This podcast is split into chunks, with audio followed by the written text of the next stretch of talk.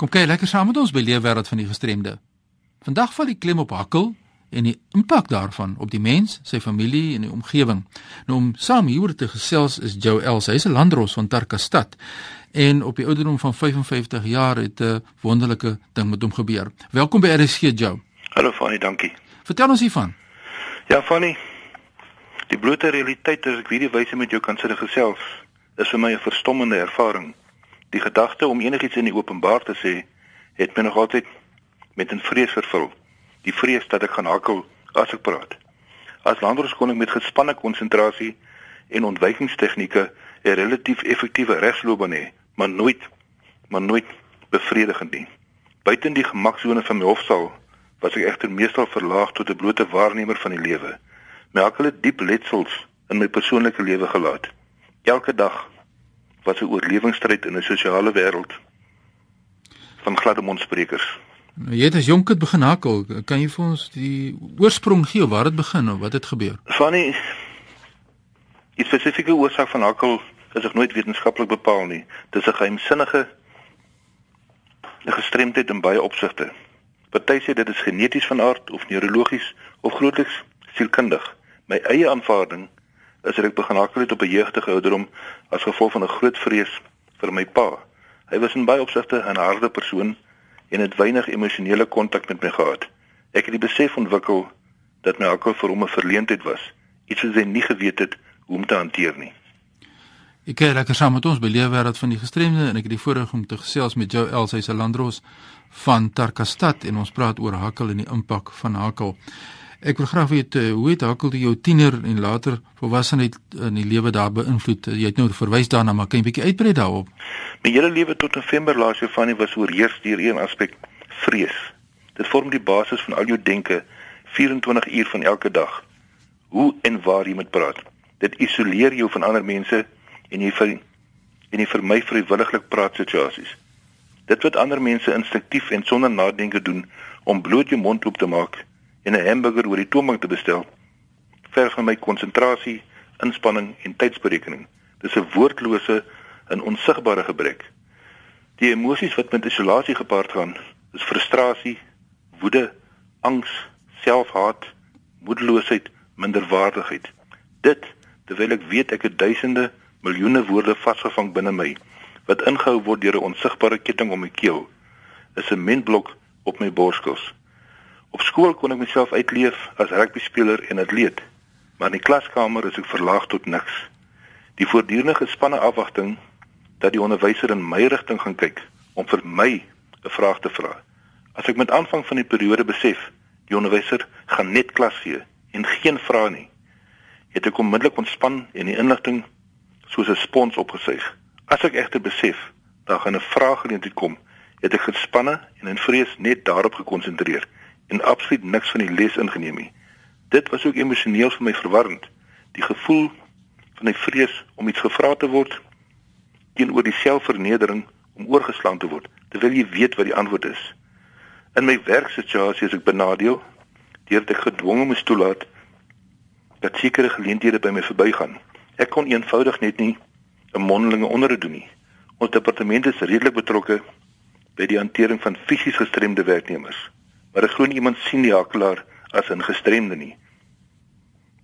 So min of geen aandag word aan hom of haar gegee en die hakelaar soek uiteraard ook nie aandag nie.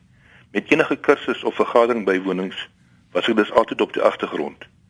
En ek het sulke geleenthede so ver moontlik probeer vermy wat nadelig was vir my loopbaan en my met gevoelens van onbevoegdheid gelaat het. Ek sou graag meer bewustheid hiervoor in 'n departement wou bevorder.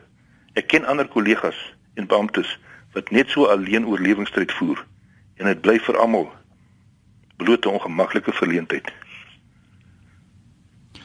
Ja, grypend is al wat ek kan sê. Ek sit en luister nou hier en hier praat ons vandag, Joe. Dis wonderlik, is absoluut 'n wonderlike deurbraak. Hoe het jy hier beland nou met hierdie gesprek tot vandag toe?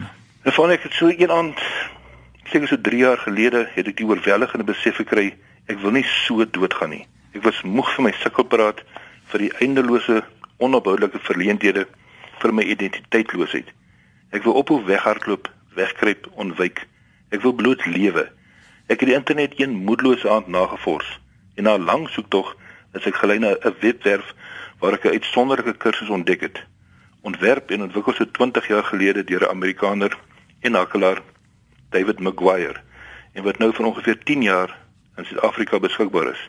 Wat my aangetrek het, is die unieke feit dat hierdie kursus deur 'n hakelaar ontwerp is vir hakelaars en uitsluitlik aangebied word deur herstellende of herstelde hakelaars.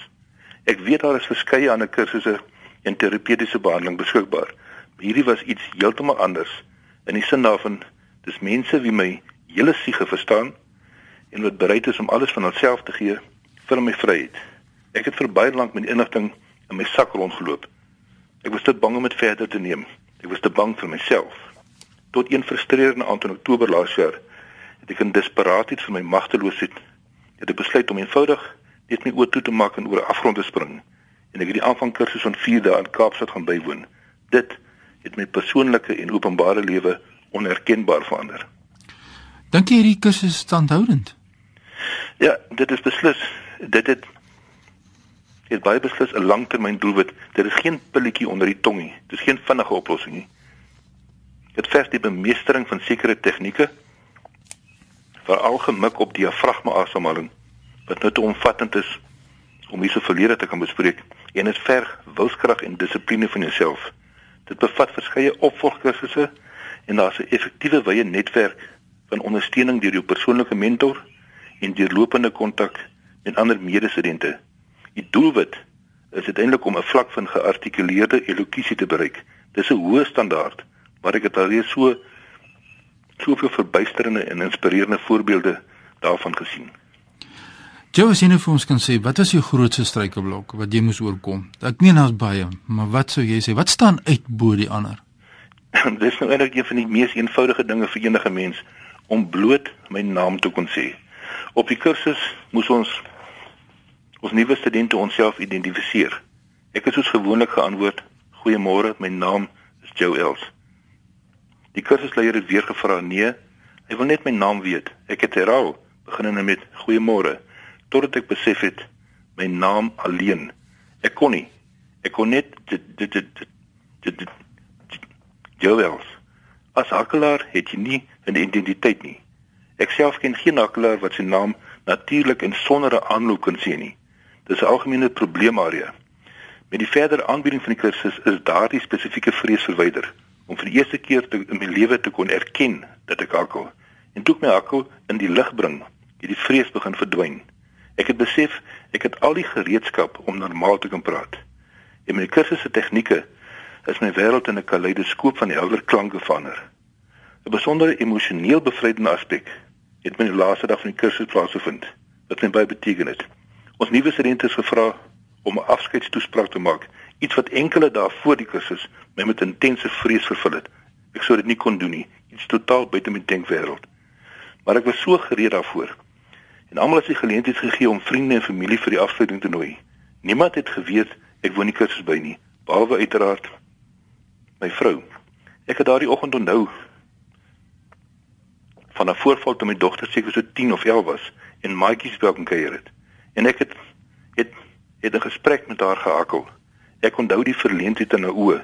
Asseblief pappa, gaan net weg. Sy woon in Kaapstad en ek het haar gebel en genooi. En toe ek later soos 'n arend vlieg met my toespraak, kon ek die opgewonde vreugde en trots in haar oë sien. Dit is my pa daardie. Dit was 'n baie besondere en kosbare oomblik. En hoe het jou praktiese omstandighede nou verander?